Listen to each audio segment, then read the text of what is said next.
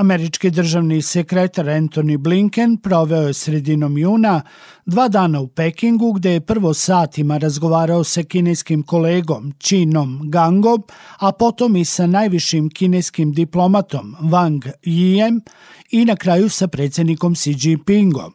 State Department je poklonio veliki značaj prvoj poseti visokog američkog zvaničnika Kini u poslednjih pet godina, jer uprkos hladnoratovskoj retorici Peking i Washington nameravaju da stabilizuju turbulentne bilateralne odnose koji su dosegli najniži nivo u posljednjim decenijama – Ova poseta u svetskim diplomatskim krugovima viđena je i kao prostiranje crvenog tepiha za novi susret dvojice lidera Xi Jinpinga i Joe Bidena planiran u okviru samita APEC-a koji u subotu počinje u San Francisku.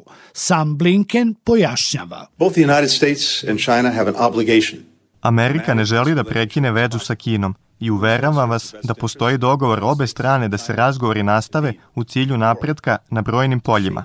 Važnost diplomatije je neprocenjiva kako bi se održali otvoreni kanali komunikacije po brojnim pitanjima u cilju smanjenja rizika od nesporazuma i pogrešnih procena. Sprečit ćemo da se nadmetanje Kine i Sjedinjenih američkih država pretvori u konflikt. Međutim, Peking ima jasan stav što je potvrdio i kineski šef diplomatije Wang Yi, napominjući da su odnosi dveju zemalja na najnižem nivou zbog pogrešnih percepcija SAD o Kini. Peking je posvećen izgradnji stabilnog, predvidljivog i konstruktivnog odnosa sa Sjedinjenim američkim državama. Kinu interesuju ključne stvari, uključujući pitanje Tajvana, jer je upravo ta tema potencijalno najveći rizik u kinesko-američkim odnosima. Sjedinjene države i Kina imaju poslednje pripreme za sastanak Bajdena i Sija sledeće nedelje u San Francisku. Sastanak će biti održan na marginama samita lidera Azijsko-Pacifičke ekonomske saradnje docenta na Fakultetu političkih nauka i direktora Centra za društveni dijalog i regionalne inicijative, doktora Stevana Nedeljkovića, zamolili smo da oceni značaj ovakvog susreta. Ovaj susret je neki znak u dobrom pravcu, ja bih rekao, za čitavo čovečanstvo. Zašto? Zato što ako pogledamo istoriju međunarodnih odnosa, mi po pravilu imamo tenzične odnose u trenutku kada jedna sila ona vodeća stagnira ili opada, a kada druga raste. Postoji ogromna šansa u kada se susreću te dve sile u pogledu moći, kada njihove moći budu približne, da dođemo do situacije da imamo ne samo tenzične odnose, već i, sukobe. U tom kontekstu ovaj susret, rekao bih, da je jako važan. Imamo početak 21. veka koji je bio potpuno obećavajući, gde su Sjedinje američke države na određeni način isponzorisale članstvo Kine u Svetskoj trgovinskoj organizaciji, a dve decenije kasnije imamo užasno tenzične odnose, čak i neku vrstu carinskog rata za vreme administracije Donalda Trumpa i gde je čak i predsednik Biden nastavio a, politiku, Trumpovu politiku prema Kini, gde smo svi koji se bavimo međunarodnim odnosima na neki način postavili pitanje kuda to sve ide i činilo se da ne ide u dobrom pravcu. Diplomatija na neki način ukazuje da a, rešenje postoji u svakom onom trenutku kada se pregovara a kada se sa pregovorima stane, onda nastaju realni i osnovni problemi. Tako da ovaj susret vidim kao a, neku vrstu pozitivnog, pozitivnog znaka, bez ikakve sumnje. Biden i Xi prethodno su se sastali u novembru prošle godine na Bali u Indoneziji tokom samita Grupe 20.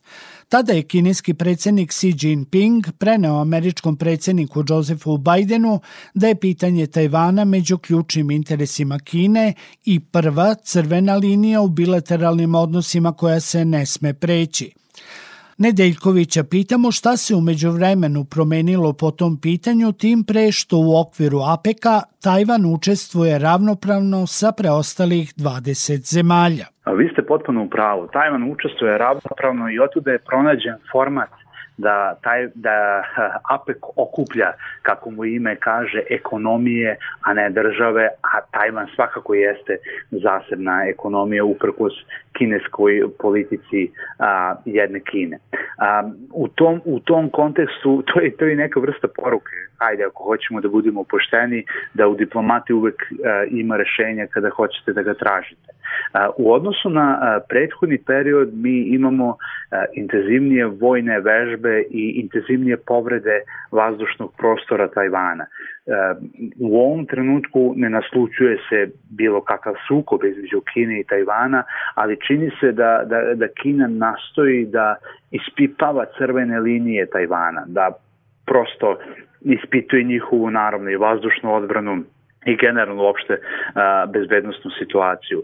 To Sjedinje američke države svakako ne gledaju blagonaklono. Tajvan je jedan, jedna od redkih ako možemo da kažemo država ili jedan od entiteta sa kojima Sjedinje američke države imaju određenu vrstu bezbednostnih garancija koje su zasnovane na e, bilateralnom ugovoru. Ukoliko bi Kina napala Tajvan, mislim da je posle Ukrajine e, odgovor vrlo jasan. Sjedinje američke države bi uložile puno napora, napora da e, odbrane Tajvan i bez ikakve sumnje na taj način bi ušli u konflikt i sa samom Narodnom republikom Kinom. Zašto? Pa prosto uh, velike sile, pogotovo super sile, kakve Sjedinje američke države bez ikakve sumnje jesu, uh, vrlo vode računa o svom savezničkom kredibilitetu.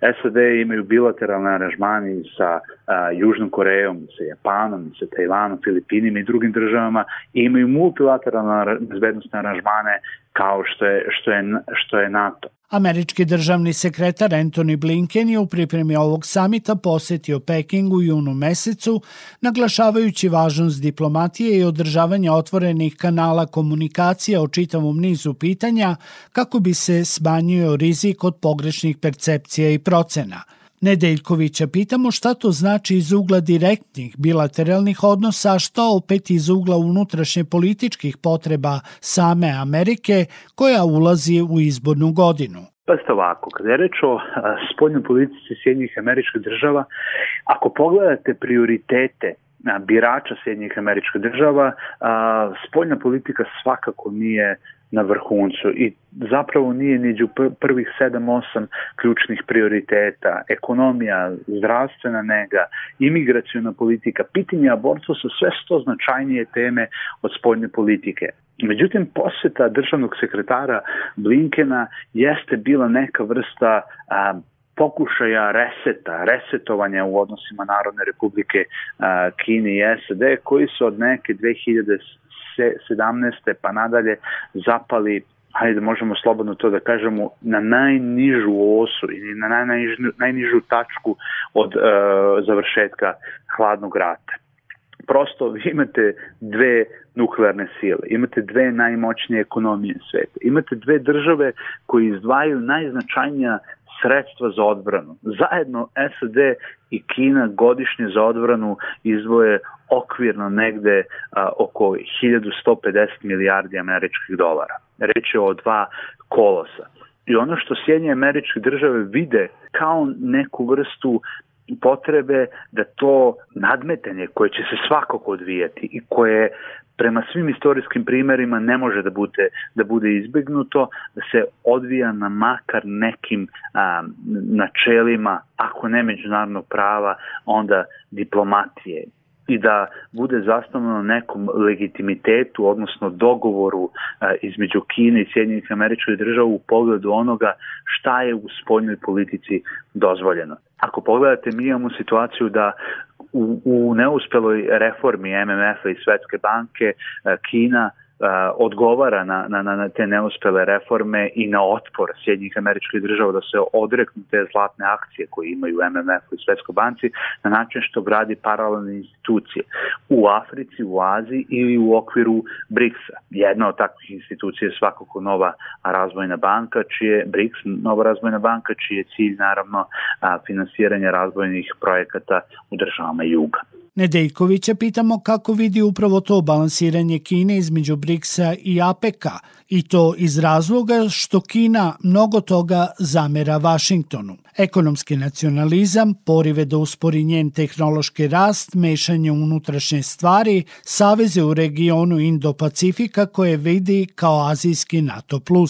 Da se vratimo u hladni rat. Mi smo tada imali dva bloka dva bloka čvrstih opredeljenja, potpuno drugačije ideologije, ekonomski, pa ne mogu da kažem nepovezane, ali prilično razdvojeni, pa opet ste imali crvenu liniju, imali ste komunikaciju i imali ste zajednički jezik u jednom periodu, čak i period detanta, odnosno otopljavanja odnosa između, između ta dva bloka i te dve države.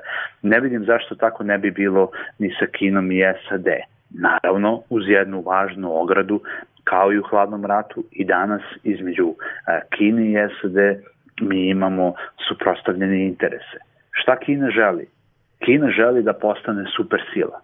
Kina želi da postane dominantna sila najpre u svom regionu, onda i na globalnom planu.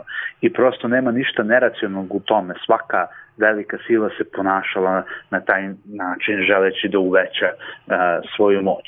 S tim što, za razliku od Sjednjih američkih država, čija je moć rasla u zavetrini, ajde da kažemo geografiji, u zavetrini istorije, na, u zapadnoj hemisferi, Kina je na neki način okružena država sa ko, državama sa kojima nema baš prijateljske odnose i to je, verujte mi, eufemizam e, koji sam upotrebio. Kina ima prilično zategnute odnose i sa Japanom, i sa Južnom Korejom, i sa Indijom, naravno, i sa Filipinima.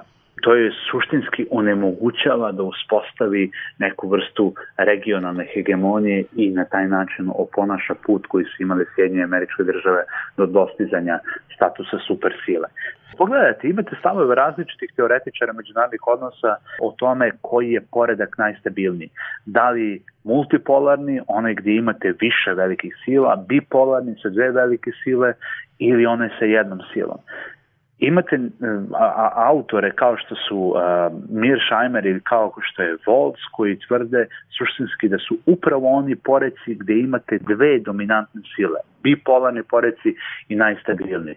Nama ostaje suštinski da položimo nadu u to da će poredak sa Kinom i Sjednje američkim državama kao dominantnim silama biti stabilan. Da li je Ponedeljkoviću svojevrsni nagoveštaj otopljavanja odnosa pismo koje je kineski predsednik uputio učesnicima godišnje večere Nacionalnog komiteta za odnos SAD i Kina u Njujorku 25. oktobra? Naime, Xi Jinping poručuje da od toga da li će dve zemlje moći da uspostave odgovarajuće međusobne odnose, zavise ključni odnosi u svetu.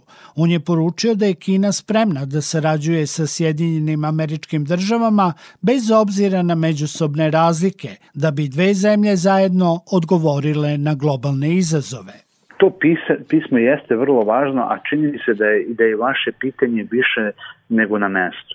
Najpre, e, dobro je da i od strane SAD i od e, strane Kine e, predstoji period, ajde da kažemo, gubitka neke vrste osionosti koje, koje je postojala. Delovalo je u, u jednom periodu, pogotovo od neke 2017. godine, da su dve sile mislile da mogu samostalno da grade paralelne poredke. Ako pogledate, međunarodni poredak je jedan. I ako u, u tom građenju poredka u građenju stubova tog poredka ne učestvuju de, jedna od dve najmoćnije sile, onda tog poredka i nema. Tako da pismo a, predsjednika Šija a, ko, ko, koje je uputio jeste a, važno ilustruje na neki način i namere SAD da su svesni i Narodna republika Kina da postoje izazovi, da naravno ima i, i, i tu u grešaka Sjednjih američkih država jedna stvar je uvođenje carina, ali imamo grešaka i, i Narodne republike Kine u prošlosti sa patentima, sada sa bilateralnim izazovima, sa gradnjom a, veštačkim a, ostrovima u Južnom Kineskom moru koje oni faktički smatraju svojim teritorijalnim vodama, a što je suprotnost sa konvencijom o pravu mora, prosto i jedna i druga sila nisu najmoralnije države države na svetu, tako da ako postoji dobra volja, onda je to dobra vest ne samo za dve države, nego rekao bi za uh, čitav svet. Kada već govorimo o mogućem geopolitičkom prekomponovanju svetskog uticaja, koliko je bitan ovaj samit APEC-a u ovom trenutku? Možda najbolje ilustruje simbolika što je za mesto njegovog održavanja uzet baš San Francisco, grad kojim se centar pažnje sa Atlantika usmerava ka Pacifiku, grad koji trenutno ima preko 70 konzulata koji predstavljaju interese vlada praktično svih velikih zemalja širom sveta, uključujući 15 konzulata 21 ekonomije članice APEC-a, inicijative koja je za Sjedinjene američke države glavna platforma za unapređenje ekonomske politike u Azijsko-Pacifičkom regionu. Sektor Plus. Svet sa naslovnice.